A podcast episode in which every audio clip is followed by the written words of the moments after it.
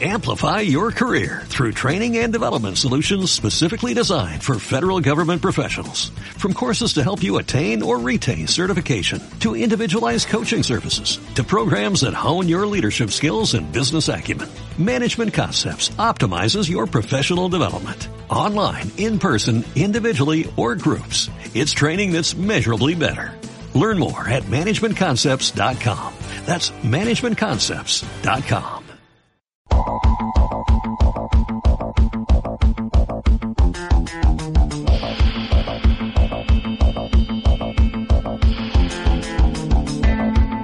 Benvinguts a Freaks and Beats, el programa que t'apropa la cultura audiovisual al sofà de casa.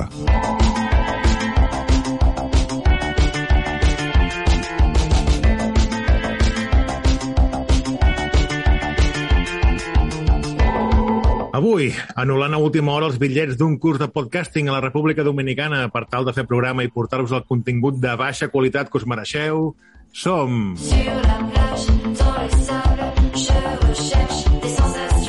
Pau Sabés, Ai, culos! Néstor Sals, Bona tarda i bon estiu. Magí Berneda, Bona nit i fresquets dies. jo sóc Pau Aguilar i això és Freaks and Beats.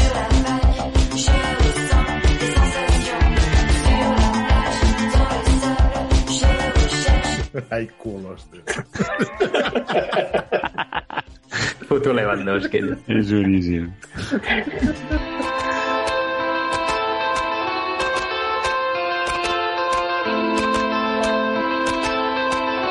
Avui tenim Freaks and Weeks, dissecció sobre pel·lícules que fan estiu, pixelània sobre el DLC del Cuphead, fricòmetre sobre la quarta temporada de Stranger Things amb uns quants spoilers i videojocs de paraules. Bé,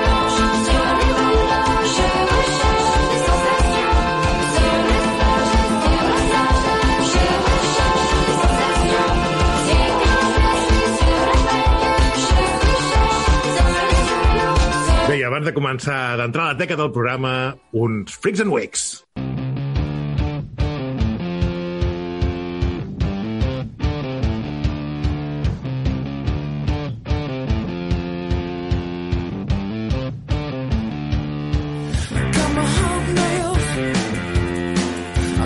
Molt bé, nois, la meva vida és una merda i, per tant, no puc veure res sencer i tot el que estic veient és picadet, amb la qual he vist moltes coses però no he vist absolutament res fins al final. I us portaré, pues, així, un refregit, diverses coses que he vist. D'entrada, Man in the Arena, by Tom Brady.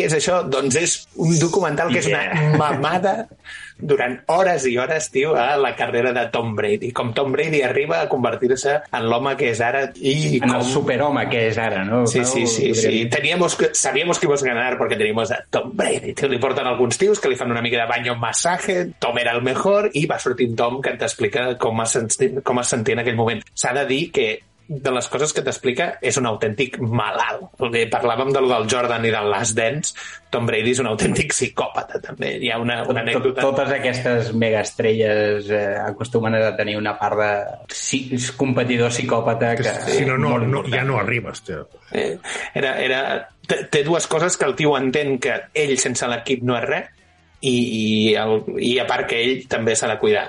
Un tio arriba nou a l'equip i vull impressionar Tom Brady, arribo al gimnàs a les 6 del matí, arriba a les 6 del matí i està Tom Brady.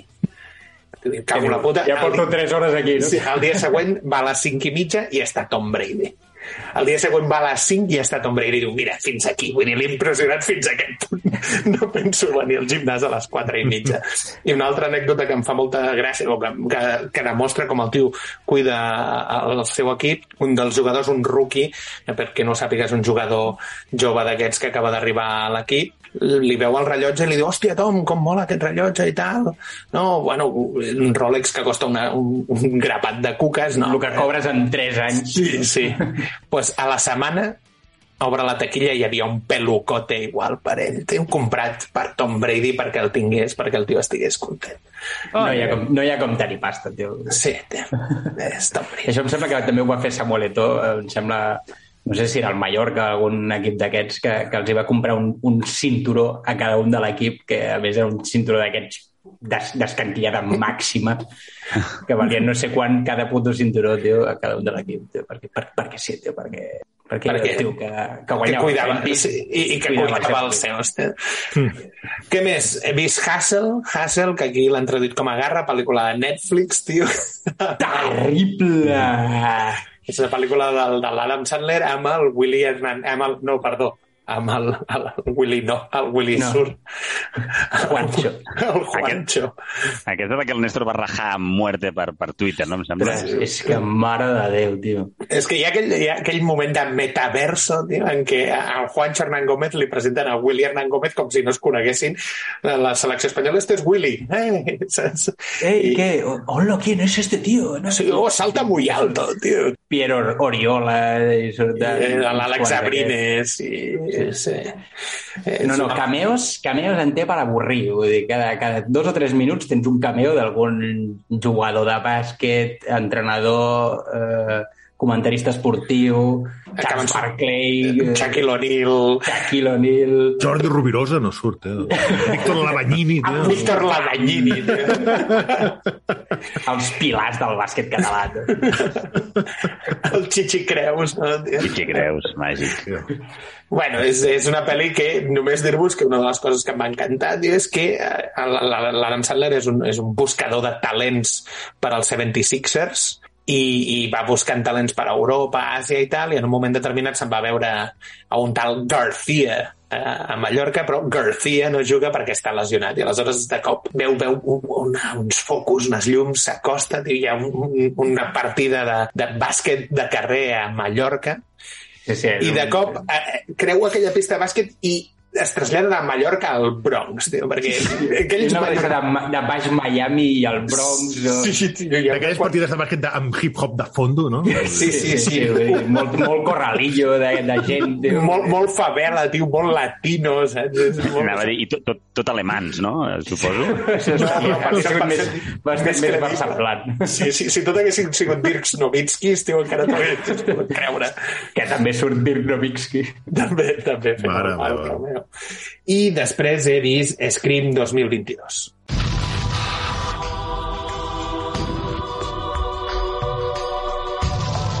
Scream 2022 Aquest és Scream 6? seria Scream 6 Val, sí, sí. I què tal? Scream, Scream 6, vull dir, sona... Scream jo què sé. A menjar per gat. Sí. és, és, és fanservice absolut, sense parar Vull dir, a muerte Però sent conscient, no?, com a mínim. Sí, sí, sí, sí. Perquè és que, clar, d'entrada, la protagon- una protagonista es diu Wes i l'altra protagonista es diu Carpenter. Vale? Dius, Ostres. Són homenatges claríssims. Aleshores, fan aquelles merdes de Scream de però esto ya pasó la primera vez. I diu, no, porque esto es una meta no sé quantos, i t'expliquen el que estàs veient, no? Una... Perquè, clar, perquè l'última pel·lícula no va agradar i, per tant, el que estan fent és fer un reboot, però sense fer un reboot, amb aquella... I t'expliquen el que estàs veient i dius, ah, i a partir d'aquí ja tot flueix des Això del... hem, és, ha sigut una constant dins de les, de les pel·lis de Scream, no? Vull dir, allò de les regles de la pel·li de por que també feien durant eh, la 2, no, que això és la seqüela, que tal, no, que ara s'aixecarà un altre cop el dolent. Tal. Sempre i van autoparodiant el Sí. gènere i... O sigui que si no ets fan de la saga, no la gaudeixes gaire. Aquesta. Bueno, és un slasher, Pau. Sigui... Et perds, però et perds, et perds aquells... aquelles no fa tanta... de- Clar, sí, sí. No, però hi ha, hi ha, hi ha kills... Aquest, t'haig de dir que els kills, Pau, són més bèsties que, que altres pel·lis. Hi, ha- hi, ha, Doncs. hi, ha, hi, ha un kill, hi ha un kill que el Ghostface treu dos ganivets. Mm, una filigrana, tio. A, a banda i banda, o sigui, aquest... Kebab. ganivet amb Només dir punta, no, no, no, no, només dir kebab, diu que és un com el sable làser doble del, del, del, del Darth del Maul. Maul, tu. Treu el ganivet i de cop fa així, no? I clar, i surt un un altre ganivet a l'altra banda, tio. Molt bé, i tu, Néstor, què has vist? Doncs jo començaré per eh, una que vaig veure abans d'ahir, o sigui, eh, bastant recent, i que prometia bastant, producció de Netflix, The Grey Man.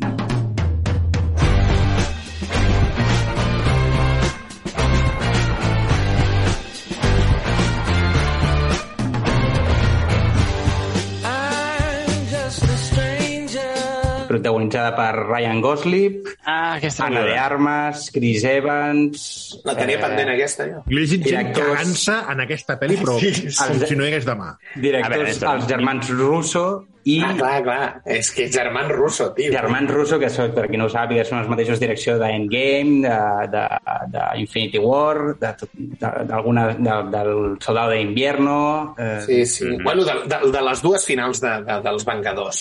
Sí, més, més dues finals, més eh, el Soldat d'hivern i diria que algun altre també eh, havien fet. Eh. Qu quanta, Ah, força, sí, Civil War, Civil War també. Qu quanta força perd els títols, perden els títols en català, eh? El soldat d'hivern sembla que, que, no, que no arribarà molt lluny. Drama- drama no, tio, de soviètic, Frozen, no? No, no, del, del Pallars, tio. Néstor, m'interessa molt la teva opinió d'aquesta pel·lícula. T'escoltaré atentament. Doncs brutal decepció, tio. No! per un moment. Brutal decepció, tio. Sí? Brutal decepció, sí. És, és que tinc la sensació una mica encara més bèstia que vaig tenir amb Uncharted, d'una pel·li prefabricada, de dir, anem a agafar fórmula de tres actors, molt actors, mil localitzacions, molta acció tota l'estona, això sí que ho té, i té alguna escena d'acció que està guapa, molt CGI, però que dius, però no ha passat absolutament res en aquesta pel·lícula. O sigui, és un clàssic Sí. Michael Bay. Un Sí, sí, sí, sí, és aquesta fórmula que ha estat com refinada una mica, molt pressupost, moltes localitzacions, viatgen per tot el món, no, o sigui, no hi ha cap aprofundiment en els personatges, més enllà de lo obvi que et van explicant molt per sobre simplement perquè tinguis alguna de context i, i, i un, un, un conflicte molt senzill, no? Dir, per explicar-los molt per sobre, eh, la, que seria la pel·lícula, el, el Ryan Gosling és un agent Sierra, de, que és uns que... Una... Que se'n van al bosc i tallen arbres, no? Eh, Sí. Sí, Són, no, són una divisió de la CIA, d'agents eh, que són uns, uns hitmans, no? uns killers, que són rectoclotats, que tots són, és un programa espacial que agafa expressos i els, i els reconverteix eh, a ser agents espacials eh, barrejant una mica idees així mig James Bondianes, Jason Bourne eh, i també una mica de Jack Reacher, no? Eh, Joder. són, són fantasmes, són tal, però Mhm. això és el, com t'ho presenten, però després Que aquí dius take my money, no? Però Sí, però mm, pura, pura acció sense més. saps quin problema hi ha? Que si no hagués sigut Ryan Gosling i hagués sigut l'altre, el Ryan Reynolds, t'hagués semblat una pel·lícula fresqueta i excel·lent. Tio, que hi havia actors que es prenien molt seriosament el, els seus ja, ja fa el, el, el Chris Evans fa el rol d'aquest de, de, de punt de... de És Chris aquest, Evans amb bigotet, no? amb bigotet i amb, que tot fent cunyetes tota l'estona i, i durant aquest, aquest, aquests, aquests, mm, aquestes pinzellades còmiques no? durant, durant tota la farrissada d'acció que hi ha però res, és que no té res vull dir, I el Wagner Moura, tio, Pablo Escobar. Sí, que fa, però em fa un pa- un paper bastant curt i el que més m'agradava va ser en, en el, el, el, Billy Bob un, un, no, un indi, un indi que fa unes escenes d'acció que em va semblar un descobriment molt guai, tio, que es diu com es? Danush. el Danush. Res, tampoc, és, és aquest típic villano que sap molt les marcials, però va, sí, vaig trobar que, que era el però millor personatge de tots. Bollywood, o sigui, fa bufetades amb la mà oberta o no? No, no, no. Ni, ni fa cap, ni canta, ni, ni, ni fa cap cosa. Aquestes, tot i que altres pel·lis he, he vist que sí que, que feia la típica pel·li Bollywood, musical i tota la mandanga, Mítica. però, però no, no, o sigui, un tio que, que, que feia bastant de por tio, durant la pel·li. Però res més. I després he estat fent un, un mega intensiu eh, recuperat eh, de Slam Dunk, Uh, la Uh! sèrie que l'he aconseguit trobar tot en català i, i he fet una descàrrega així una mica... Hans Zimmer.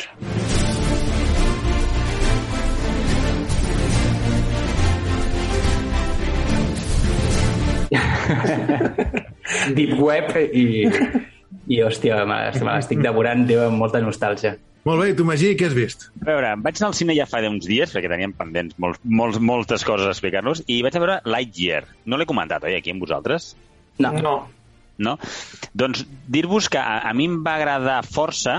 Has tornat al game. Magí? Això que Sí, havia, això els conservadors que deien també. que Com que hi ha un petó... veu- Sí, tio. Ara, És, Sí, tio. és, és, és, bueno, i era ridícul quan ho veig per xarxes i quan, i quan estàs veient la pel·lícula no, conviertes gay. no, do- no dones crèdit. I- no, Però La que avisos, als, avisos als cinemes, Sí, tio. Vull sí, dir que jo sí. aquí a Catalunya, eh, no Sí, sí, sí, sí. a algun lloc xungo. Vull dir, aquí a És Catalunya, trist. avisos als cinemes d'aquí, aquesta pel·li té eh, És- és contingut eh, polític, O de no sé què.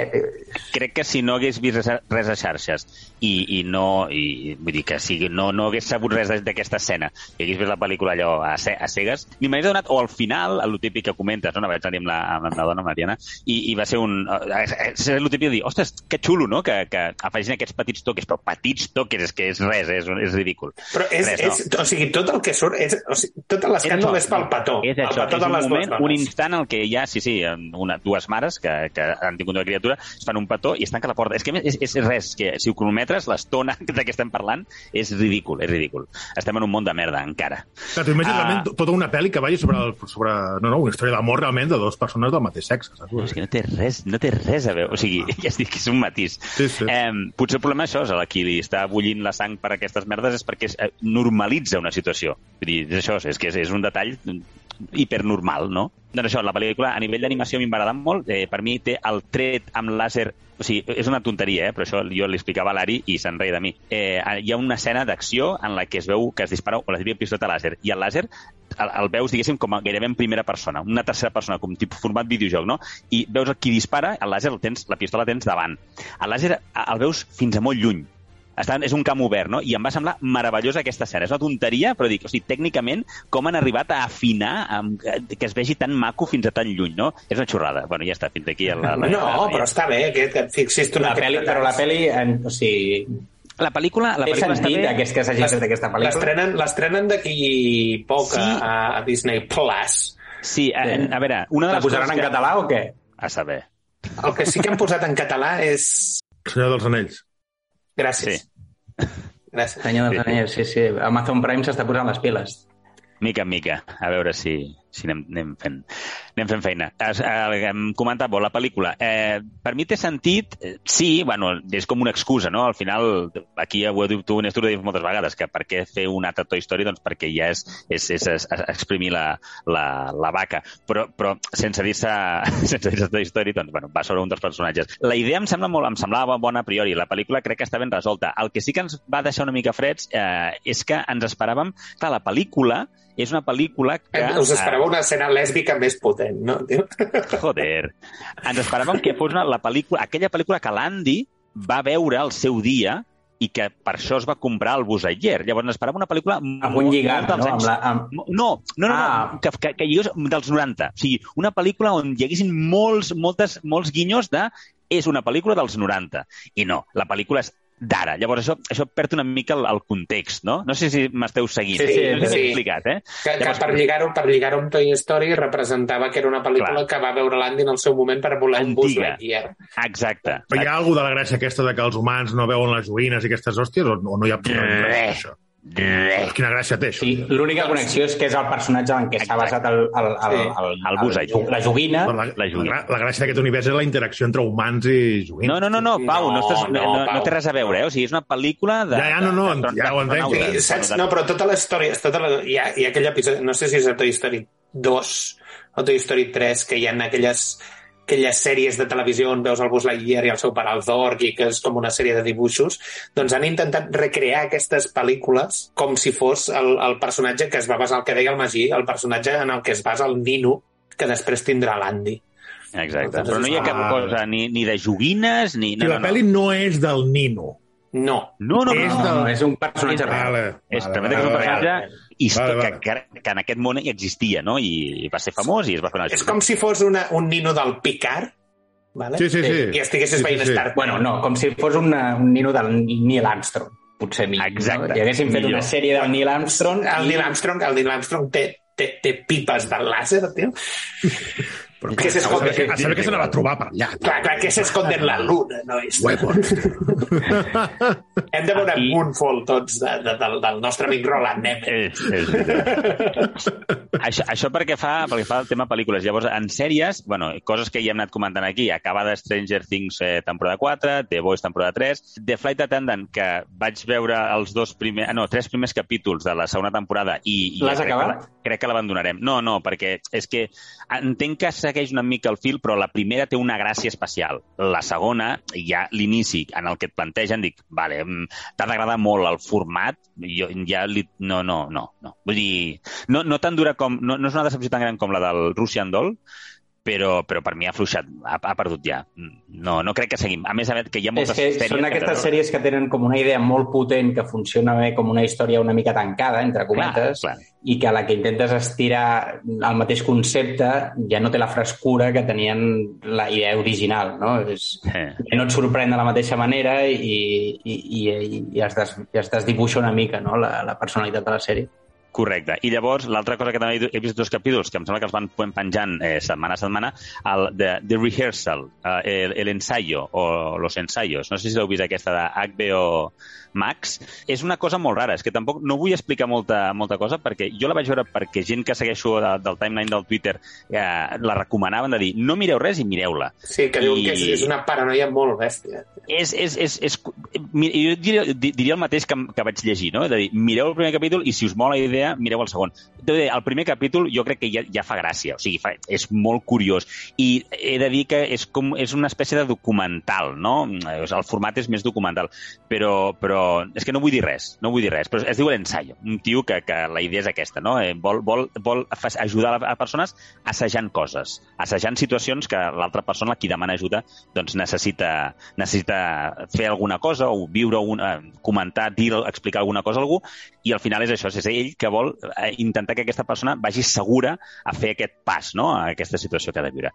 Sé que no, no m'heu entès res, segurament, i això m'encanta, perquè si, Bueno, si, si una podeu, mireu. sí, sí. Mi- mireu, el, mireu el primer capítol. Són capítols curtets, o sigui que, que, que et dic que n'he vist dos, eh? I, I no és que l'hagi trobat brillant, però bueno, curiosa, curiosa. I només com a curiositat, eh, un dia, ui, per mort, que no tenia, no, no ten- tenia poc temps per fer per veure alguna cosa, eh, i a més estava sol, llavors no, vol- no podia avançar cap de les sèries que tenia pendent que mirem amb la meva dona, vaig posar a la Ricky Morty, que, que és una, una sèrie que he, he, havia intentat a començar a veure feia temps i, i la, el primer capítol em va costar una mica. No entenc que és la típica sèrie que quan mires uns quants capítols llavors t'atrapa molt fort. A mi Però, també bueno, va tema- passar, a mi també em va passar amb el primer episodi, eh? Vale, doncs, doncs no, va, Pau, escolta què em va passar. Veig Ricky Morty, clico, jo a Netflix pensava que ja m'enganxaria al segon o tercer capítol, no sé, no vaig deixar.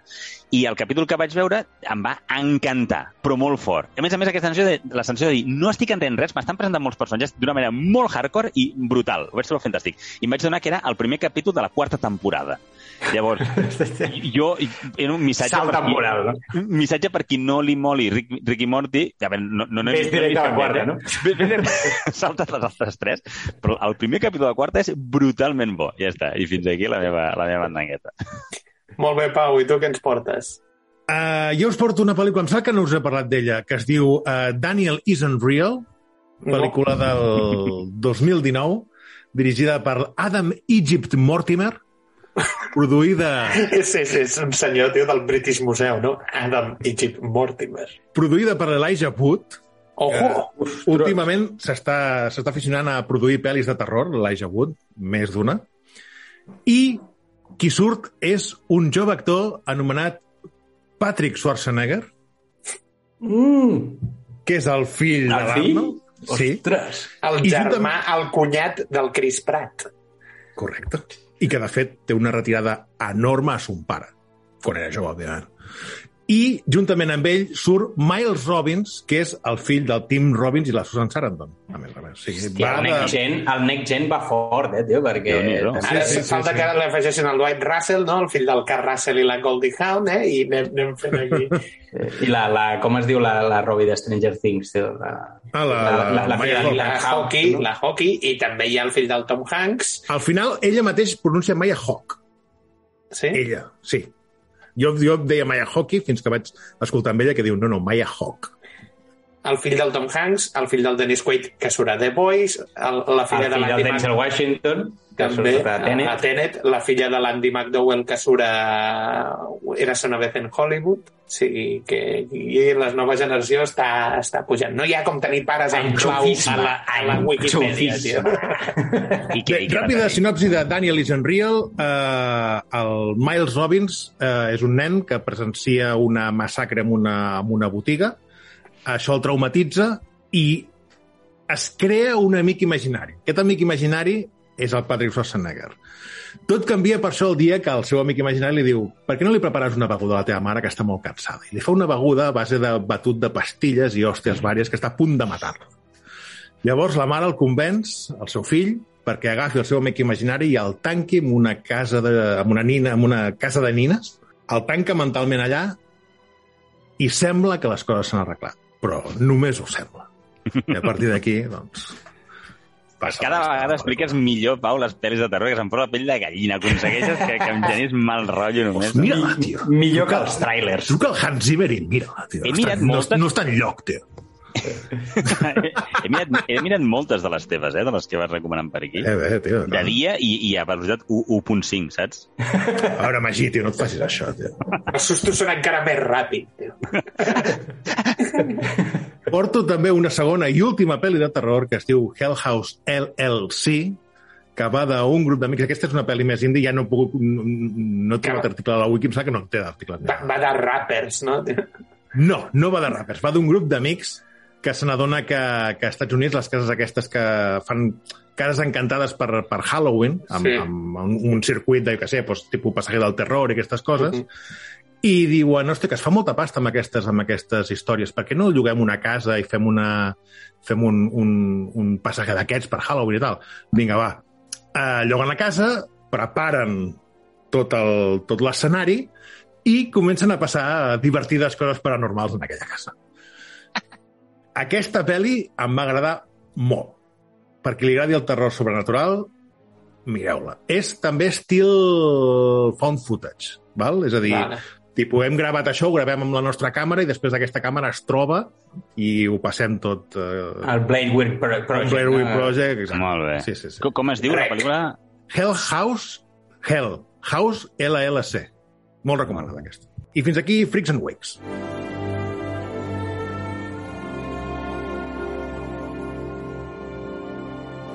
I ara, dissecció sobre pel·lícules d'estiu.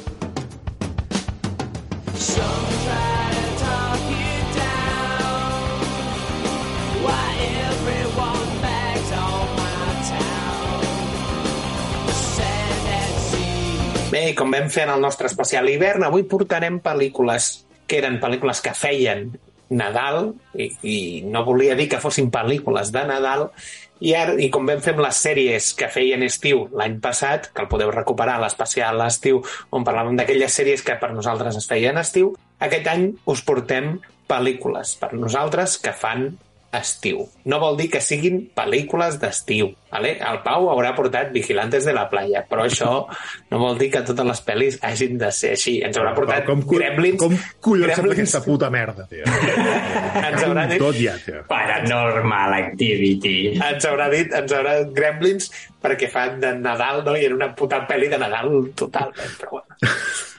I, com no, i jo per tocar-li els pebrots al Pau, us porto la primera pel·lícula de l'any 1975, dirigida per Steven Spielberg i protagonitzada per Roy, Scheider, Tiburon.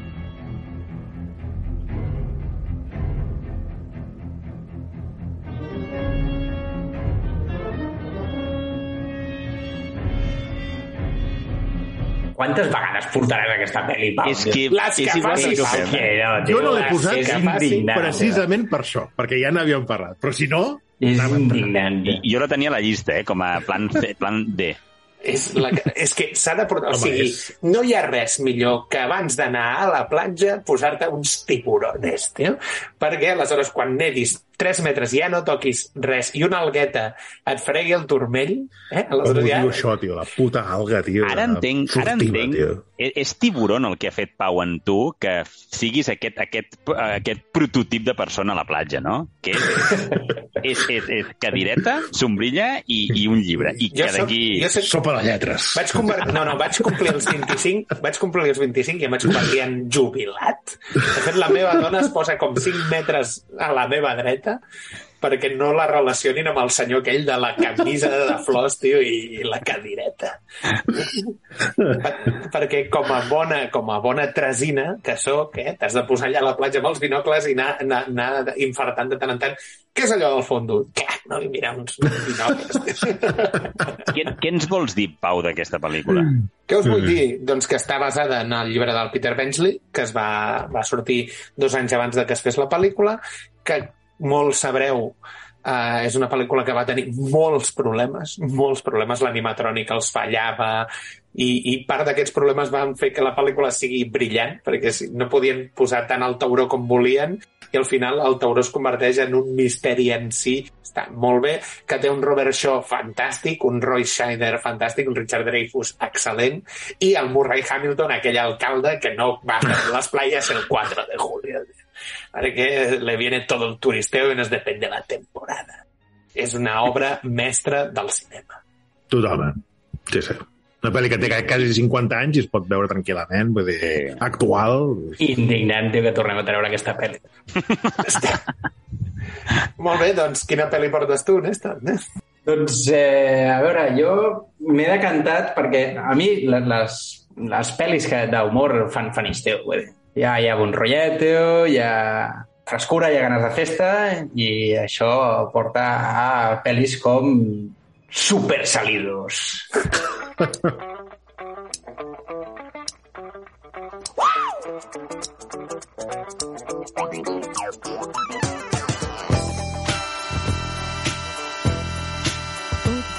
pel·li amb un joveníssim Noah Hill que explica les aventures i desventures d'aquests teenagers, tio, el i les seves, eh, les seves peripècies per, per, per, per molar molt i fer festes i comprar alcohol quan no tenen edat. I... De fet, de fet, a Twitter, tio, cada, cada cop que és l'aniversari del McLovin, Sí. pengen el feliç cumpleaños McLovin. McLovin és un, un, un carnet que es fan, un carnet es, fals. es fan un carnet fals per poder comprar alcohol. A més, a més no sé quina edat té, però té una, una, una, una, una borrada d'edat. A més es posa això, nom McLovin de Hawaii. La pel·lícula és una, és una, és una borrada clàssica d'aquestes, però és d'aquestes de gaudir, de fer unes risses i, i, i passar una tarda d'estiu divertida. Amb cameos del Seth Rogen, del, del Bill Hader... De, dels clàssics, sí, dels Sí, clàssics. de, de, de, tot aquest grup del de gènere. Sí, sí, està, està molt bé aquesta pel·li. I, el, I això, i el Jonah Hill, és gordo i afro, tio, en aquesta pel·li està... Sí, que porta sempre les camises aquestes així com de rodeo, tio, raro. Tio. Bueno, imagina't tu què portes. A veure, la primera pel·lícula us porto una pel·lícula del 1987 que en anglès el seu títol era Summer School, anomenat també com a Juerga Tropical. I What? no sé, no sé si coneixeu, no, no sé si us n'he parlat d'aquesta pel·lícula, protagonitzada per Mark Harmon, eh, i la, com, a, com a protagonista principal i representa que és un professor que està a punt de pillar les seves vacancetes d'estiu i el director l'enganxa, el director de l'institut l'enganxa i diu, "Per- perdona, on, on vas? No corris tant, no corris tant. Eh, queda't aquí que tenim... Necessitem, necessitem el profe que s'havia encarregat de, la, de la, les classes de repàs de l'estiu, dels alumnes que havien de recuperar alguna assignatura d'institut, alumnes d'institut, eh? Eh, a fa- a falla i necessito algú. I tu ets aquest algú. Eh, no preguntis per què, és una pel·lícula, ell es veu forçat, accepta, i, i tota la pel·lícula va d'això, d'aquest eh, aquest professor que ha de lidiar amb una, amb una classe reduïda d'alumnes que els hi ha quedat alguna cosa, eh, alguna assignatura per, per, per recuperar, i, i totes aquestes classes que va fent, diguéssim, entre, diguéssim, dia a dia, més activitats extraescolars que, que o bé perquè les, les corregues que les que es van muntant als alumnes i també plans, de rotllo excursions que fan. És una pel·lícula que jo no sé com nassos la vaig descobrir, perquè diria que, diria, si no tinc mala memòria, si no em falla la memòria, és que vaig posar a gravar algun típic VHS, eh, a la nostra època moza, eh, posar a gravar algun capítol d'alguna cosa i aquesta pel·lícula venia després. I allò que mires el que t'interessava i després comença allò i em vaig quedar a mirar-la i la vaig trobar Efecte meravellosa. Escàndal, no, tio? Mar Vas quedar allà al meravellosa. sofà, tio, els teus pares et van trobar garrativat de, de la puresa. Té un No. 27 a Metascore, tio. Correcte. Sí, fantàstic, tio, qualitat. Us, us, us, no ho volia amagar, eh? us ho anava a dir. De fet, té, segons IMDB és un 6,6, però Metascore és un 27. Però això, això ho he descobert avui, ja no ho sabia. Estava No, però, però Mark Hammond, que és el senyor M6, eh? és el, el, el jefe dels investigadors, i, ojo, Christy Alley, eh? Sí, sí. Tenim aquí la, la, la de Melrose Place, la... Com es deia? La Courtney Thorne Smith. És ella? La, la, és que surt la, la... No sé si... A veure, algú de veritat es veia Melrose Place? Des, No, és la, la, no. la versió, la versió de- d'adultos de, ho ven després de... Sí, de, de, de Beverly Hills. Sen- 90210. Sensació de vivir, ex- exacte. Doncs, Sensació doncs de la- vivir, Master of Naming, eh, també. És... Sí, sí, sí. Sí, sí. Bueno, jo, jo, jo és el que us anava a dir. Jo de tota la pel·lícula em quedo amb la traducció en Spanish, que juerga tropical, eh? M'encanta. No, té, o sigui, no, no sé per què el tropical. No té res a veure amb tropical, però bueno, és igual. Ai, Molt bé, Pau, i tu quina és la teva primera pel·lícula? Jo us porto Baywatch. Uh, surprise! Entre el tiburon i el Baywatch, tio, vull dir, podem tenir aquí un déjà vu de Però de, de Baywatch n'hem parlat, però com a mínim no li hem dedicat un programa. A Tauron sí li hem dedicat un programa, però bé. Baywatch, pel·li del 2017, dirigida pel Seth Gordon, amb Dwayne Johnson i Zac Efron. Zac Efron sense ni un gram de greix. tio. Zac Efron mamadíssim en aquesta pel·li, vull dir, fins a, fins a, fins a límits insospitats. O sigui, jo, quan ho vaig veure, vaig flipar. O sigui, no tenia aquesta imatge del Zac Efron, realment, vull dir, tenia així, un, actor jove, així, guapet i tal, però quan es treu la samarreta allà, vull dir, és, és increïble, aquest tio. em fa molta gràcia per això el fet de que quan, fan el, quan fa el circuit aquell que, que, que no val, que és aquell circuit que és potser més força i agilitat i tal, el, el Dwayne Johnson li diu, no, no, si aquest no és el circuit, el circuit real és algú més tipus l'home més fort del món, que és Sí, aixecant neveres. i, i, i rodes de, de, de tractor. Però bé, a veure, comèdia, sí. A veure, comèdia. És molt Sí, sí, millor de, comèdia, la- molta comèdia, Pau. Dir, no, Molta- no, ha cap mena de dubte de que Sí, sí, molta comèdia, però el que volia dir és que jo crec que molta gent hi deu haver trobat això, a, a, amb això, que és que a, és més bona del que la gent pensa al principi. Totalment. jo no l'he vist, nois. Pues, Jo- jo imagina, aquesta l'he de veure. Doncs amb la turra que ha donat el Pau, vull dir, no sé, Sí, no sé què tio, fas. mira-la. tio. Mira, sí, és, és, és una Jo crec que té, autoparòdia. té, té moment, per mi, la part principal, que és molt paròdica i on hi ha totes les proves i tal, eh, la trobo brillant. La part final eh, fluixeja una mica més. Eh, Sí, la resolució Sí, final és fluixa. la resolució de tot el conflicte i tal, les són sis, trobo que ja se'ls va una mica massa de les mans, certs moments, Sí. Però la primera part és, és molt divertida. Realment. Jo diria que tota, la tota la, primera paròdia part- que fan del, del, del, diguéssim, del clàssic que nosaltres Sí. tenim al cap, el porten al límit i, i, i De la primera llavors- part fins al dipòsit de cadàvers està molt bé. Després, sí. òbviament, clar, o sigui, estàs, estàs compromès ja amb una història que l'has d'acabar d'alguna manera. I, evidentment, sí, Bueno, tota la, la, sí. la infiltració aquella del Zac Efron i... Eh, allà, dius, comença a ser una mica... Vergonyeta aliena. Sí.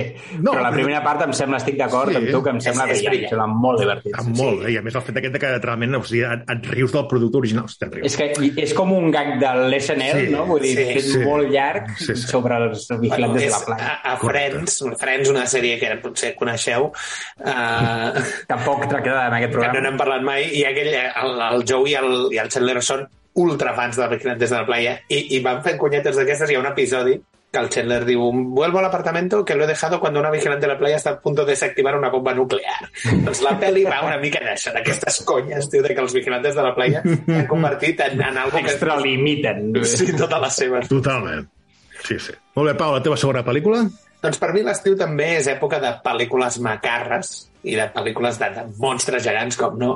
I us he portat una que el títol original és Eight-Legged Freaks, però que aquí vam conèixer com Arak Attack. Pel·lícula protagonitzada pel David Arquette, el Dewey de Scream, amb la Scarlett Johansson super jove, fent de, fent d'adolescent i que representa que és un noi, eh, bueno, un poble d'aquests perduts de, del mig dels Estats Units, on hi ha un noi que té un amic que és un fanàtic de les aranyes i aleshores té unes aranyes de tot el món, té una tal que salta, té una altra que no sé què i hi ha aquells clàssics vèrtidos tòxicos, tio, que acaben afectant aquestes aranyes i de cop les aranyes doncs creixen de, de, es converteixen en la mida d'un buic Ara és un, aranyes de la mida d'un camió i ataquen aquest poble que està aïllat. està molt bé, és el, el clàssic gremlins, tot això de, de que el poble van passant petites coses, la gent no se n'entera fins que acaba venir l'atac gegant de les aranyes, com se n'han de sortir. És divertida, és una, una pel·li que tot i així té més nota que el verano tropical del Magí, però... És el que anava a mirar, és el que anava a mirar. Un moment, un moment. Sí, un moment. Segons IMDB, pitjor, eh? La d'IMDB. No, no, la de Metascore no. Que Metascore on hi ha els crítics de debò. 53, vale, vale. On hi ha els cinèfils que saben de cinema, tio. És la gent, la gent que sap, tio, apreciar el, el, el, el que és bo.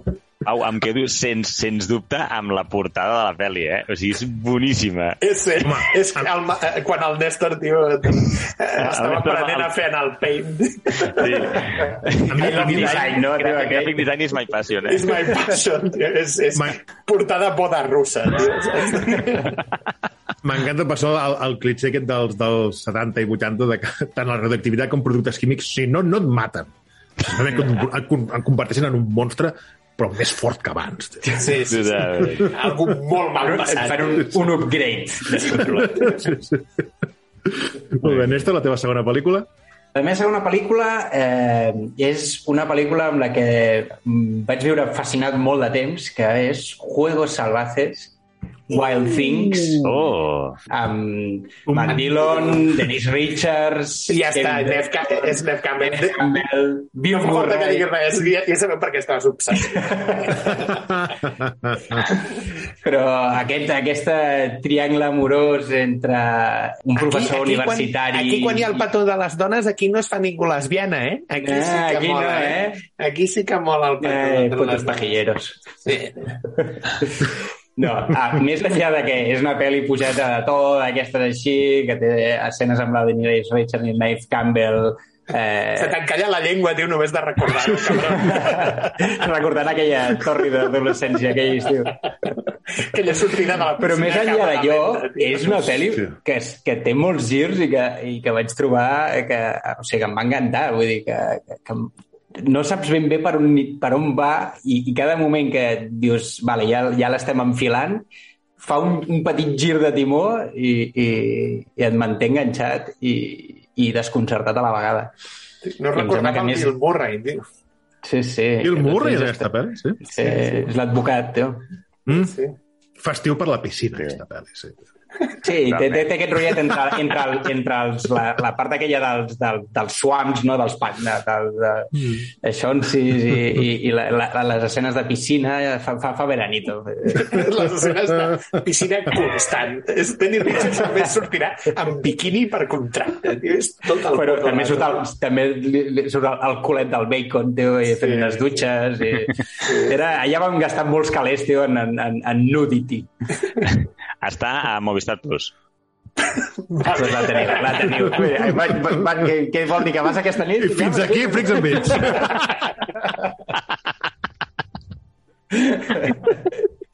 Estic sentint de fons, Magí, o m'ho sembla? Que no, tio, que a mi les pel·lícules que no he vist, és que aquesta jo no l'he vist. Però Totes les que esteu dient sempre me les apunto, no? I, i miro si, si les poden veure. I més si surt la, la Dennis Richards besuquiant-se, no, altra. Ara tinc un thriller que t'encantarà. Has de vendre bé la dona, tio. Gir argumental, és el que necessito. No, però sí que és una pel·li que, que a nivell argumental... Eh, ostres, eh, és Sí, apassionant. bueno, és, és, és com això, Instinto Básico també és una gran pel·lícula i té un Clar, que queda una mica... Eh, camuflat sota tot el, tot el Total, tema aquest del clar, sexe. Sí. Sí, sí. En canvi, el color de la noche, del, del calor de la noche del Bruce Willis és un trunyo, tio, que van intentar salvar-lo fotent-li unes cigales per allà al mig. Però bueno, Magí, tu què ens portes? En tenia una, però no sé si trepitjaré tu, Pau. Tinc... He portat aquí Primos. La tenia ja caigut a l'últim moment, tio. La tenies? Doncs mira, perfecte. Pel·lícula del 2011, pel·lícula espanyola, Quim Gutiérrez, Raúl, Raúl Arevalo... Eh, ja n'hem parlat també, però és que crec que aquesta sí, el que té de, de, el que té de, de que faci estiu és que són les festes majors d'un poble de, del nord, no sé, no sé quin Comilles, poble és. tio. És Comilles, exacte, això. El, del poble veí de, del meu avi de Novales i, i és una pel·lícula que és divertidíssima. Sé que, ja et dic, ja t'he preguntat a tu, Pau, perquè sé que tu ets mega fan d'aquesta, però és que recordo que quan la vaig veure va ser precisament perquè, em sembla que la vaig veure amb tu, que tu ja Al l'havies vist. cine, no? Bueno, jo la No. vaig veure al cine. Tu al cine, doncs potser... Sí. No, no ho sé. Jo sé que... O, si, si vaig anar al cine sense tu va ser perquè me la vas recomanar i, i, i, i et dono la raó. És una pel·lícula fresquíssima, divertidíssima, també eh, rotllos amorosos i, i sobretot aquest, aquest el, el Raúl Arevalo amb el format de tio que té que està en, en, en, de festa. De, de, és igual, si dura una setmana, està una setmana Sí, sí. amb la cervesa a la mà. O sigui, és meravellós. És, és quillo, quillo, tio, amb, amb, amb una mica de poder adquisitiu Correcte. i, i descantillat. M'encanta el punt aquest que, que, perquè surten d'un casament. Tot això està basat en un curt que després van desenvolupar. No és un casament on no es presenta la núvia perquè realment la núvia ha anul·lat i el novi no anul·la. I es queden els cosins amb ell i se'n van a reviure moments teràpia. d'infància i fer teràpia. Fer teràpia. I van amb el traje de boda. Com que només tenen el traje de boda, aquest, sigui que és la, la neva es talla el traje de boda i els converteix en uns shorts. Es compra una samarreta de festa i a partir d'aquí va amb barret de palla, samarreta de festa i el, i el traje retallat. I aquest és la seva indumentària. Això i un got de tubo permanent a la mà. No. És fantàstic. I Kim Gutiérrez convertir-se en el nostre Ryan Reynolds perquè a partir d'aquí ja sempre fa aquest paper. És correcte. Correcte. Molt bé, Pau. Quina és la teva segona pel·lícula? Jo us porto pel·lícula de 1990, Tremors, o com es va dir aquí en castellà, Temblores. Que seria l'Arat- l'Aracatac dolent, eh? que és... No, és el bo, Pau. És el És el bo. bo, és, és el és, és, és un gran pel·lícula. És una gran pel·li dirigida pel Ron Underwood i amb Kevin, Kevin Bacon, i Bacon. Fred Ward, que el Fred Ward va morir fa relativament poc. Uh, va sobre dos, dos amics que es dediquen a fer xapucilles en un poble d'aquests perdut pel desert americà i decideixen anar-se'n de, mira, doncs canviem de vida i tal. Però mentre marxen es troben un cadàver i alguna cosa més. Algun animalot estrany. Està, està picant fort avui. Kevin Bacon, eh? Sí? Sí, sí. Sí, sí. És una... pe- A veure, jo no diria que és terror, sí, a veure, surten És, monstres, és, però és... és un sèrie B... Sí, sí, és un terror d'aquest que, que rius també durant la pel·lícula. Tampoc no és una comèdia, eh? Vull dir, És l'Aracatac dels 90. Eh? Sí, sí, sí, sí. Jo crec que, a veure, qui més qui menys segur que ha vist aquesta pel·lícula. Dir, és- Mm. De fet, n'han arribat a fer 6 o 7 seqüeles. Eh? Sí? Ostres, no ho Sí, sabia. com els Sharknados i els Crocopulcos i totes aquestes mandangues que tant li agraden al Pau. Mare I jo aquesta l'he vist fa poc, eh? La Temblores fa relativament, farà potser un parell d'anys o tres que, que la vaig veure. Jo he fet un rewatch sí, és sí, que una sèrie B vista sí, en sí. distància, hòstia, pot ser molt sèrie B, eh? Llavors... No, però, però no està... A veure, òbviament, hi ha moments en què dius "Uah, aquí el bitxo pues, no es veu, no està molt polit, però, però la pel·li en si, inclús el bitxo en, alguns, en algunes escenes, dir, està prou ben fet, crec jo. Eh? Bueno, anava a dir-te si hasta el tiburón de, de, de Sí, sí. tiburón. Sí, sí, sí. Ah, Hasta el tiburón de tiburón es veu la goma espumica, tio. Bueno, no sí, sí, sí. Eh, aprofito, ara que parlo de, de seqüeles, eh, i sense que se'n noti el to nerviós a la veu, eh, hi ha també segona i tercera part de Wild Things, eh? Ja, però no, Ahora ja con dic, más no, sexo, ¿no? És això. Es van a pillar, van pillar tota la part de dir vale, aquí tenim els sortits, anem, anem a donar-los més d'això i no, no, no, era, no, és, no és lo bo, o sigui, no és lo... Té, té el seu encant, Déu, Hem però trobat no. el ninxo de pajilleros, tio, anem a exprimir-ho. Anem a exprimir-lo. Ningú, ningú volia així argumentals, no? Exacte. De què anava la pel·li? No? Dóna'm més escenes a la piscina, sisplau. Molt bé, Pau, la teva última pel·lícula? Doncs és un clàssic, que aquest amb mi germana els teníem tots en VHS, de l'època, com va dir, com ha dit el Magí, de programar i gravar, i però se'n porto només una, es porto la primera pel·lícula de l'any 1984, Boja Acadèmia de Policia.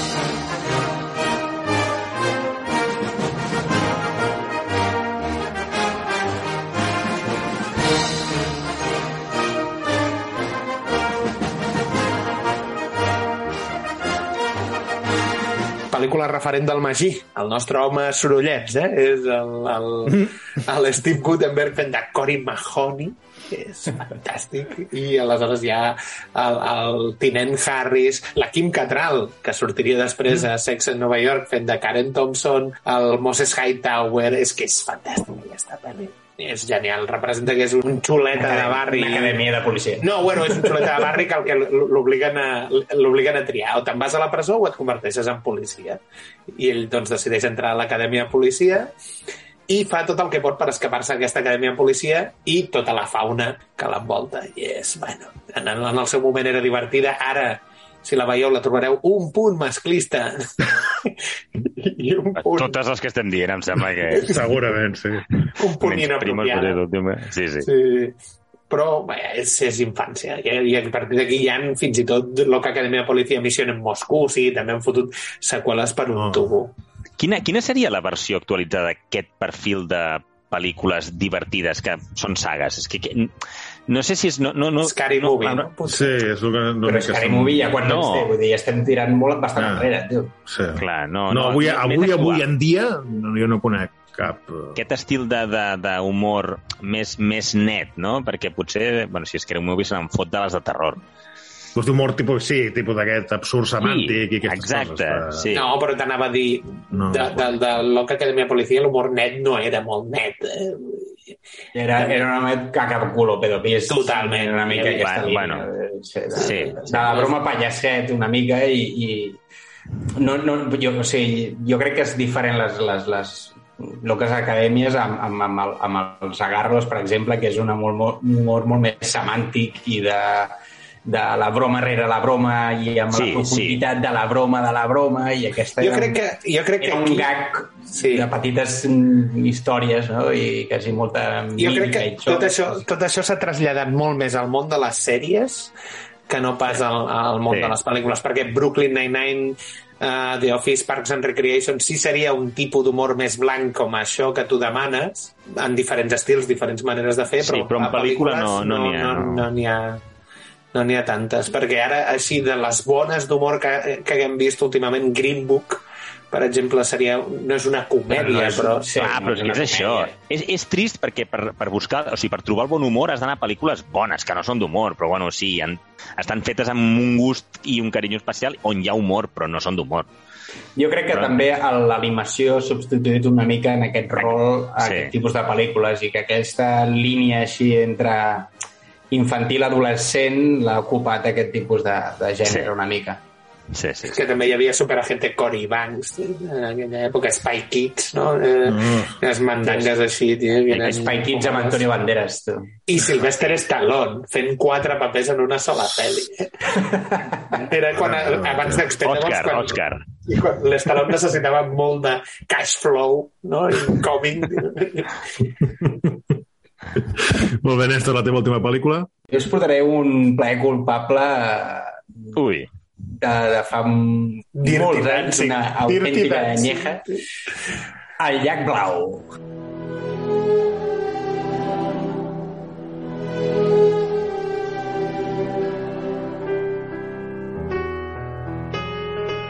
Uh, mira, Brooke Shields la tenia a la llista, la tenia a la llista. la, la de la Brooke Shields, el retorn al llac blau Brooke Shields, Christian Alkins... Eh, és aquesta pel·lícula d'aquests dos nois que queden... Eh, que naufraguen i, i els seus pares eh, moren i els dos nens creixen sols en una illa deserta. La pel·li és de l'any 1970, el- 70, no, 80, perdó. Sí. Eh, té, té, té un, una pila d'anys, però jo vivia fascinat amb aquests, tota aquesta casa que es construeixen amb aquest estil Robinson Crusoe, però diré també que, com diré aquests... que t'estàs aquests... confonent, tio, amb, amb, amb Top Amb, Secret. amb Tom Secret? Sí, Amb el però Top automàtic. Secret fan una forta paròdia d'aquesta pel·lícula, també. Eh, i, I la veritat és que sigui, em fascinava aquesta idea de, no, de, de sense cap adult que, que, que, que t'expliqui o que et guiï, no? i com ells han d'anar descobrint totes les coses de, que els hi van passant i com van creixent. Sex. Eh, Exacte. bueno, sex i, i, i, i, i, i sobreviure ells dos en una... Mi- mi- Mira el senyor de les mosques, tio, que és molt més, molt més d'això. Que... I, tot i així, aquesta pel·li segueix tenint menys puntuació que Arac Attack. En sèrio? Igual. Mira Impossible. Metascore. Mira El Blue Lagoon té menys nota que Arakatak. És, és impossible. Metascore, Metascore, Sí? Metascore està equivocat, doncs, així. El- Has tocat, has tocat alguna cosa, Pau. És, eh? Un És hack. Afirmativity té un 5,4. O sigui, No, vull dir... està aprovat, aprovadíssima. Sí, Ja, sí, ja era un play culpable. Sí, sí. Pel·li d'estiu. M'agrada Ai, molt estiuet, a- a- platja... aferrant-se a un, perro rogent dient 5,4 està aprovadíssima. Està aprovadíssima, tio. Com Quatre sona, tio. dècimes per sobre, tio. Que Això venia, venia 5,4. orgullós a casa, tio, un 5,4. He provat sobrat. Jo he estat a punt de portar seis dies, eh, siete noches o ocho dies Aquella del, del, del Harrison Ford del i la Harrison Anne Ford. Amb el, amb el David Swimmer i la, i la nòvia del Harrison Ford I el, i el, i el, i el, el, sí, el, el David Swimmer, el Ross sí, sí, de Friends No, no parlen de les que no hem portat. Perdó, perdó. Perquè, no, no. Tio, Has, has portat tiburon una altra vegada, accepta Sí, Pau. exacte. A veure, Magí, què has portat tu, Magí? Jo, mira, te- m'has anticipat quan el Néstor ha dit el plaer culpable, jo no, és que no és un plaer culpable. Dirty Dancing, no? Dirty Dancing. He portat Dirty Dancing.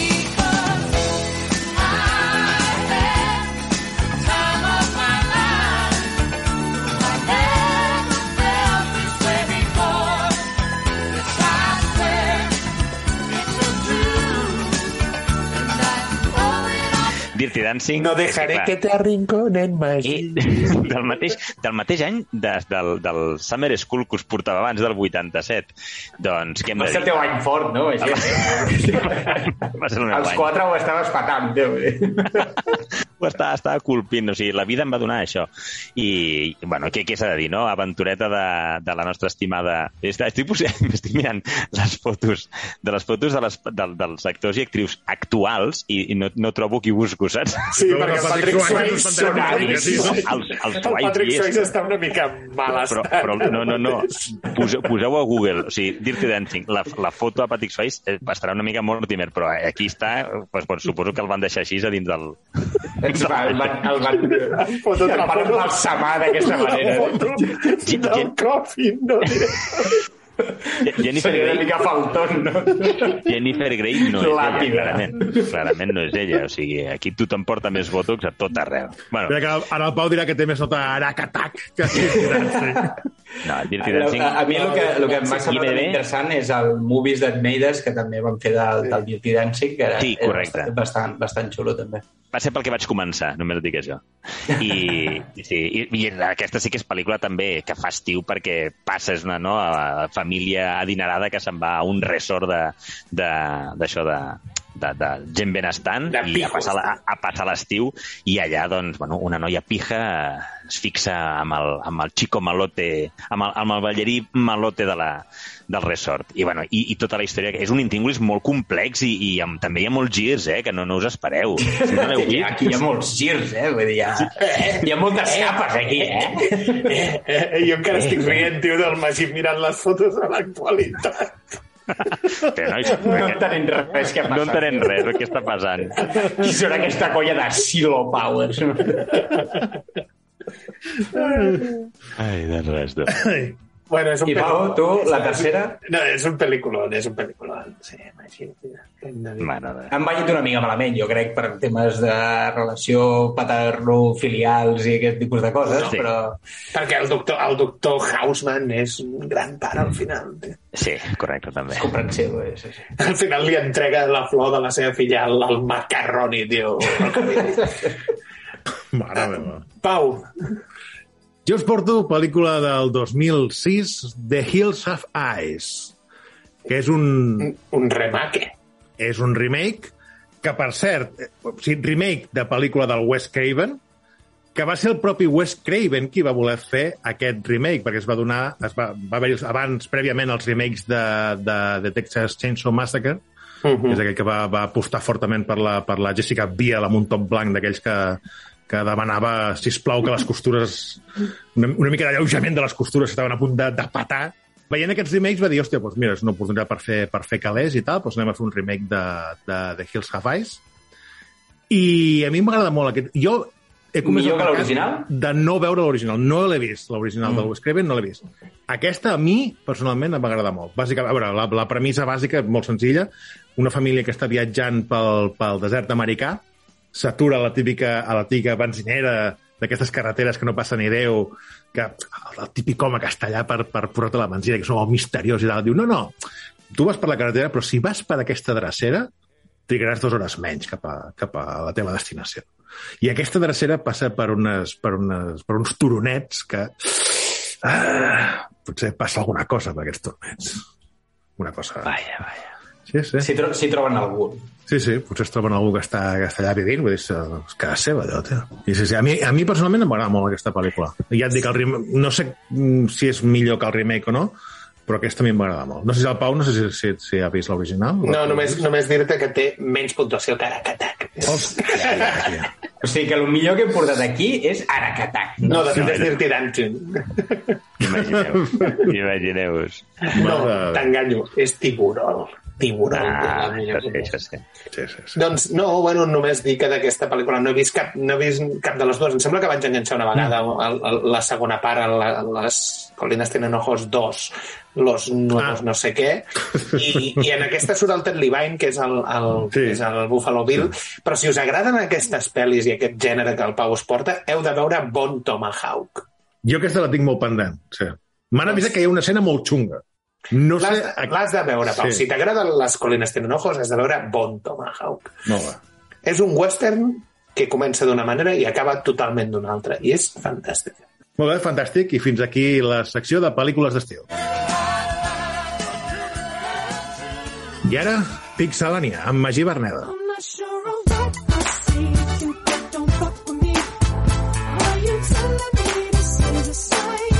Doncs bé, he estat jugant aquests dies, eh, fotem de mala hòstia, al DLC del videojoc Cuphead, el DLC anomenat The Delicious Last Course.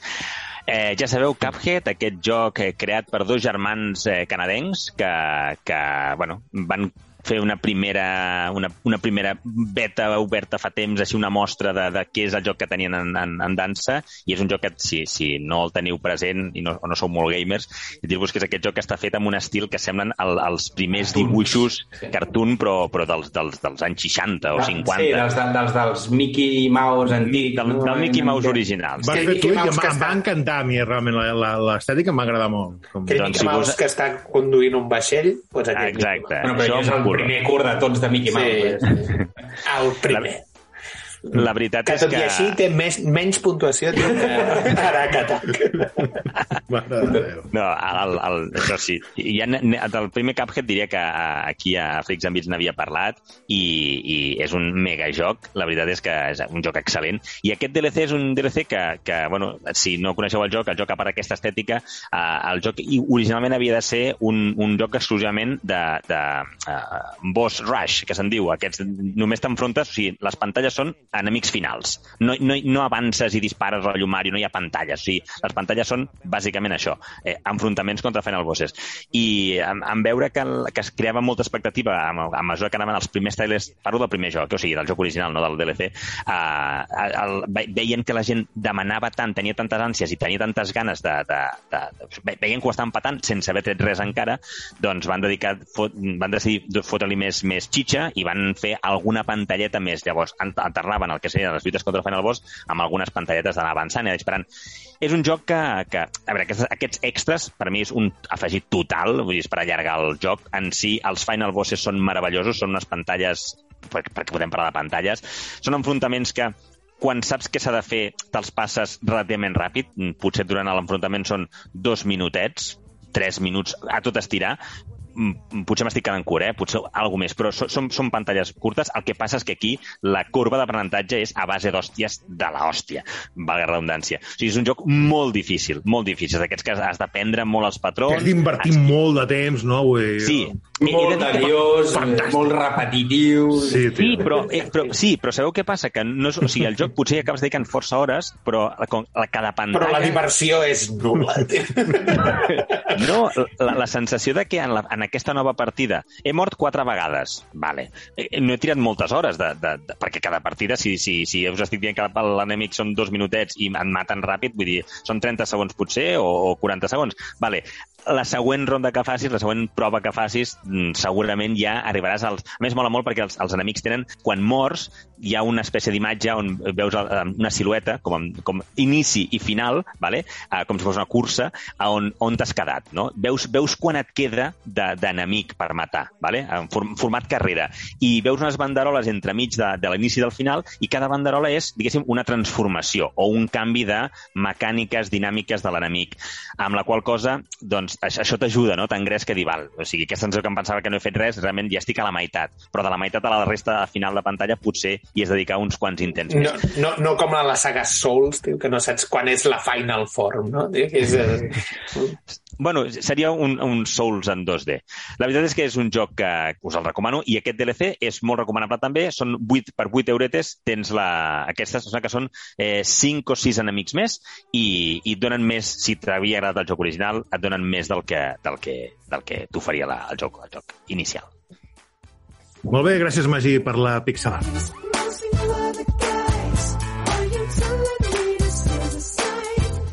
I avui, el motiu que els quatre hem vist ja la quarta temporada de Stranger Things, avui debatrem amb una mica de spoilers el...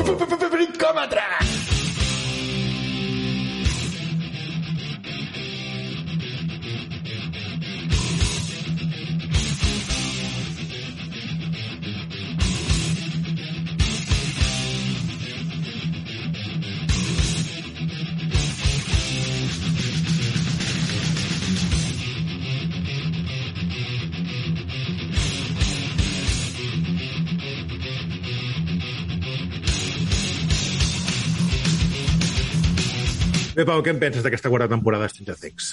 jo haig de dir que fins la primera part és fantàstica i la segona part baixa el nivell.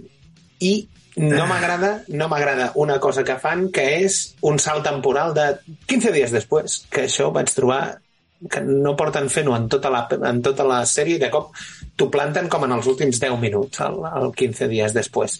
L'escena del Master of Puppets de la segona, de la segona part és genial, aquella escena em va encantar, però tal i com... Toca, han sortit uns vídeos d'ell tocant Sí. el Master of Puppets, la guitarra de veritat. La, la... Bueno, de fet, l'Eddie Munson l'altre dia l'entrevistava, o sigui, l'actor, el Queen, l'entrevistava Ah, sí. el, el, el, el Jimmy Fallon i diu que li van, el van aturar a aduanes, no el deixaven entrar, Ah, i, i un dels guardes el va reconèixer com a Eddie Munson i aleshores eh, per, per, va, van afluixar una mica la tensió que estaven fotent sobre ell però, però que d'entrada ho estava passant bastant malament. I és un tio que és, pel que, pel que s'està veient sembla que és bastant de puta mare.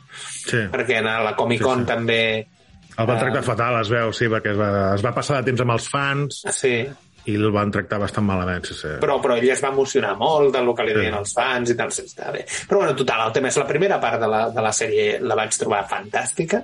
El, en el moment en què sona la cançó de Watchmen, Pell de gallina, i tal i com aquella segona, aquella primera part és molt bona, la segona part no m'acaba d'agradar, no la trobo tan al nivell de la primera.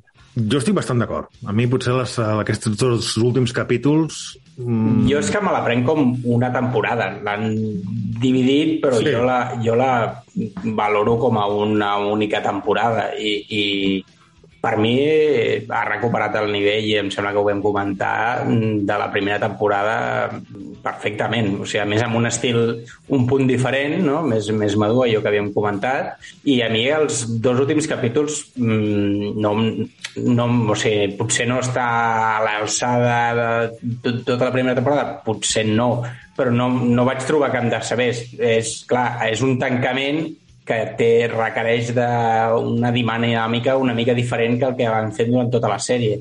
Has d'anar tancant temes i has de fer l'enfrontament final i has de fer aquest, aquest tipus de coses. Però jo, a mi jo m'ha encantat. Eh, a més, penso que, que et donen una cinquena temporada que pot ser una espècie de festival apocalíptic que, que pot ser interessant i res, tio, amb ganes de, de veure l'última temporada. Jo amb la cinquena temporada aquesta jo ja em foto tremolar perquè, o sigui, l'últim capítol, per exemple, hagués pogut durar tranquil·lament mitja hora menys si li haguessin tret tots els entre cometes, retrobaments emotius entre els personatges i tot el... Ja, però jo crec que- el la, la, no la volia- xerrameca El, emocional... el Pau no volia, no volia sentir No, sí, però, però, però amb la seva justa mesura. Vull dir... Jo estic, estic d'acord que més, més que de- d'eliminar aquestes parts, de que es podia haver fet un últim capítol me, un punt més curt i no hagués passat res. Sí. Però trobo que, clar, vull dir, portes tota la temporada amb tots els personatges desperdigats pel món i jo crec que hagués quedat raro que en aquests retrobaments eh, en què tots s'han estat jugant la vida i estan al límit, eh, no hi hagués un No. cert moment de... Us he de dir que, tot i que realment la part que més em grinyola era, és certament la del Hopper a, a, a la Unió Soviètica i tot això, no ho han portat tan malament com pensava que ho portarien. O sigui, és, és més portable Per mi, m'imaginava. eh, han invertit una mica tendències. Tota la primera part, la del Hopper, és, per mi és pesat, eh, i en canvi l'últim tros, eh, en els dos últims capítols, és la part que, que, que, que, que està guai. I, i en canvi l'altre eh, intercanvien dinàmiques no? una mica, no? i no, no... l'últim enfrontament de, de tots els altres eh, doncs potser no està tan a l'alçada com la resta de la sèrie que et porten amb un bon ritme i amb una tensió i amb diversos fronts oberts que, que, que al final el resolen jo crec que correctament i per mi és una temporada molt bona, amb molt bon nivell. Jo, do, dues coses ràpides. Una, primer, s'ha encarregat el meu personatge preferit, que era el, el, el, el doctor Brenner, el Matthew Modine, el, el papa... Bueno, t'enfermo. No és dels principals, tampoc, però bueno, se l'ha encarregat, em molesta. el, el, teu, el teu personatge preferit és aquest paio, tio? Sí, tio, a mi m'encanta aquest personatge. Per sobre de, de, del Dustin, per sobre del... De És que crec que, per exemple, el Dustin en aquesta tem quarta temporada, hòstia, Crec que ha quedat una mica com en terra de ningú, el Dustin. Sí. No, Perquè però la gràcia. el nivell que estem habituats del Dustin, jo crec que aquesta, aquesta quarta temporada, hòstia, crec que ha baixat, eh? Doncs per sobre de l'Eddie Munson mateix. I és que crec que l'Eddie se li ha menjat una mica. Ha intentat Sí, clar. traslladar per, per, per, per poder fer el, el, el, el conflicte, aquest triangle amorós no? eh, que fan amb el, amb el, Amb el Steve. Amb, amb el el Pire. Steve. Sí, el, sí. Doncs amb, la, amb, la, amb la Nancy. La... la Nancy. Nancy. Sí. O sigui, la Nancy, el, el Jonathan, que era el fotògraf, i el Joe Pire. Per fer aquest triangle amorós han, han trencat una mica el bromance eh, entre ell el, el, amb el Dustin i li han intentat posar amb el- amb el- amb l'Eddie i, i, i crec que l'Eddie se l'ha menjat una mica. Us haig de dir que l'Eddie està basat en uns fets reals, el personatge de l'Eddie, en un documental d'HBO, que si no l'heu vist són tres documentals que es diu Paradise Lost, sobre uns nanos acusats d'assassinat, fans de Metallica i tal, que quan vaig descobrir-ho vaig dir, o sigui, el personatge de l'Eddie em va encantar perquè té moltes capes. Aquelles capes eh, que parlàvem, l'Eddie... No, i que té tota la part aquella de la turba, de la... mm, que, que jo crec que allò és tan terrorífic com és que... És bastant, és, I a més és més, bastant creïble. O sigui, Sí, que, sí, sí. que pugui passar això als Estats Units, vull dir, aquells, aquells consells locals de la, de la gent, vull dir, emprenyant-se, anant a la botiga local d'armes, vull dir, això... Sí, sí. També t'he de dir que el que li fan a l'Eddie a l'últim capítol mm, no ho entenc gaire. O sigui, ho trobo absurd. Sí, Jo m'ha crec agradat que la segona temporada, eh, però ho trobo absurd. Jo crec que han perdut una, una bona oportunitat. No, no, I Eh, a més a més de manera absurda, o sigui, no té cap mena de Bueno, jo crec que necessitaves, eh, diguéssim... Un heroi. Un, sí, lacrimogen... Un heroi. Alguna banda i... Clar, però si era- mires la- l'escena, vull dir, Carrega't el porretes, no? però el que, el que fa és, és, és absurd, o sigui, no té cap mena de sentit. O sigui, no, no aconsegueix res, vull dir. No sé, vull dir, vist en, en perspectiva no m'acaba... I jo estic molt d'acord, crec que tots més o menys estem al mateix, al mateix punt. Eh, Dir-vos que no entenc... Jo, jo soc, no sé si és l'únic l'únic mm, il·lus de, d'aquest, de nosaltres quatre, que jo creia que era l'última temporada de Stranger Things. Jo, jo sé, sempre, sempre em passa això, tio. Jo estic començant a veure una temporada, la propera, la última temporada, tal, i pensava que, s'ha- que, que Però tancava. la propera segur que és l'última. Ah, això diuen. No, però això no, perquè, segur. perquè no, no, no has anat a milers de concerts. O sigui, els que anem anat a concerts i seguim bandes mítiques, tio, hem vist l'últim concert dels Pixies, per exemple, tres vegades. I els que són fans dels Rolling Stones D'acord. s'han vist jubilar-se des dels 90, tio. Bueno, llavors, clar, això potser sí que em vaig, em vaig quedar l'últim moment, bueno, quan, quan acaba com acaba dius, a veure, però no, això no s'acaba. Això per una banda, això és una expressió que, bueno, que és cosa meva. Eh, I dir-vos que no entenc, a mi això dels últims capítols, com deia el Néstor, per mi també és tota una única temporada i a mi, a mi els dos últims capítols em van agradar. I, I us he de dir que en tota la set temporada, o sigui, aquests capítols d'hora, hora i mitja, no en tenia, o sigui, ara ho, ho miro a, a toro passat i dic, com és possible que no m'avorris? En... O sigui, no, no han passat tantes coses. I al final han aconsegut, crec que si la, set- la, la, la temporada és bona és perquè sense que passin tampoc moltes coses, el ritme és bo. O sigui, és això que dèieu, no? Et manté enganxat. Per mi... Bueno, jo crec que perquè és el que, que comentàvem a l'altre programa que vam fer, de, que vam comentar ja a la primera part, que, que aquests, aquests salts que van fent d'una trama a l'altra, Sí, dins del propi capítol, eh, et donen baixades i pujades canviant de, de història i a la vegada et donen cliffhanger dins de la pròpia, del propi capítol, no? I correcte, correcte.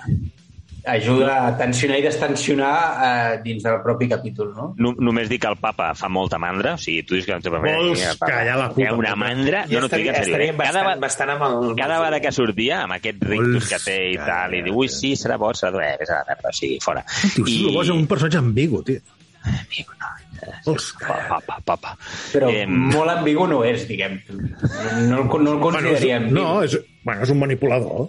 De puta... No, no, és, és, Bueno, dolent, per és això, vull dir, no, de ambigüitat no n'hi ha, no ha cap. Però jo, no, però jo no estic dient que sigui bona persona, simplement que m'agrada el personatge, tio. No, no, però dic que, que, que no és un personatge que diguis, hòstia, no Clar, sabíeu com posar-lo. No, de- vull dir que- que- o sigui, no, o sigui, Quan ell diu, per exemple, que tot ho ha fet pel bé de la Eleven, jo, jo me'l crec. Òbviament, els seus mètodes jo crec són que ell s'ho creu dir, com a personatge. Exacte. però... En fi, I l'M14, l'M14 aquell també ho fa pel seu bé, tio.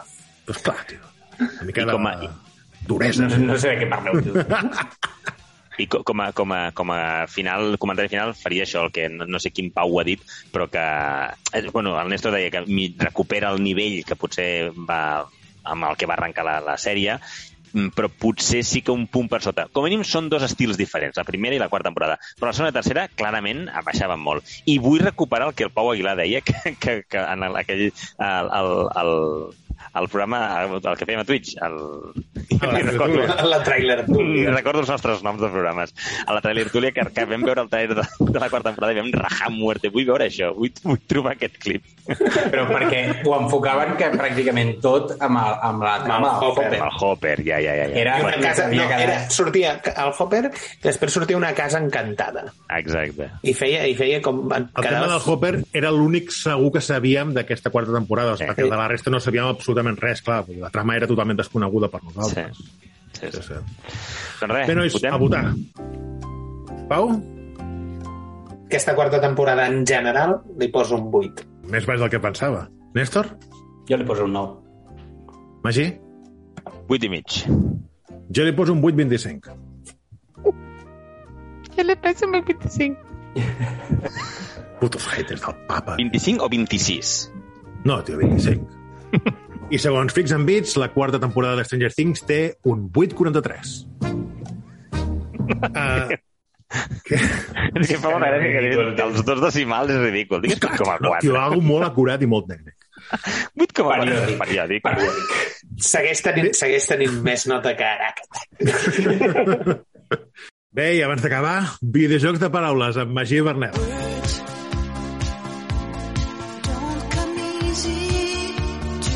A veure, aquest és meu, eh?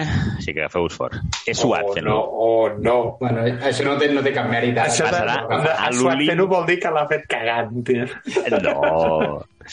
S'obre el taló i es veu un senyor que va a que li tirin les cartes del tarot. La tarotista li diu que en uns anys el veu convertit en un secretari nan verdós que es passarà el dia enviant correus electrònics carregats de contingut bondadors i missatges de bona conducta. Es tanca el taló. What? Nom del videojoc? Fuck! Destí Bertnan, Miles Morals. Què? Tia De- puta, de- Magí, tio. De, de Stevernan. De Stevernan, Miles Morals. Spider-Man Miles Morales, tio. Com arribes a això, tio? De Steve Miles Morales. No? no? Ni una miqueta? Quan, quan els Bernal feim... és algo molt allò, tipus telegrama del, del, del 1900. tio. Si tu em dius de Steve Hernandez, imagina't estar agafant una tio. No, és el superheroi de, Sti- de Steve Hernán. De Steve Hernán amb els Morals. És que jo ho veig Déu, Mails morals. Mails morals. Mare de Déu. En fi, fins aquí el programa d'avui. Gràcies pels sabers. Gràcies i bon dia. Néstor Sart, Bona tarda. Magí Berneda Gràcies i bona nit. i un servidor, Pau Aguilar. Us recordo, com sempre, que ens podeu escoltar a Ràdio Sant Quirze dimarts a les 10 de la nit, a una 359 FM els dijous a les 10 de la nit, a plataformes digitals com iVox, Podimo o iTunes, i que bé, ara estem de, de vacances a Ràdio Sant Quirze, amb la qual és més important que mai que ens seguiu a xarxes socials, a Twitter i Instagram, arroba FreaksBits, on us informarem si fem nous programes d'estiu. Gràcies.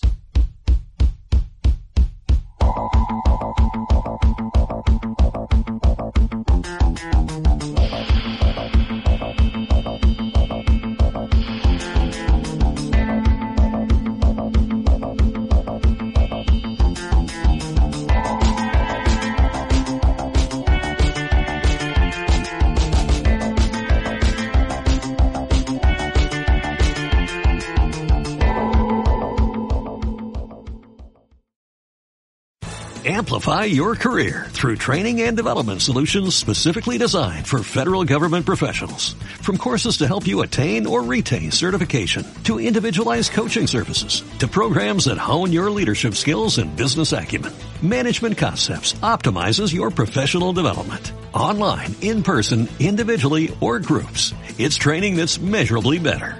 Learn more at managementconcepts.com. That's managementconcepts.com.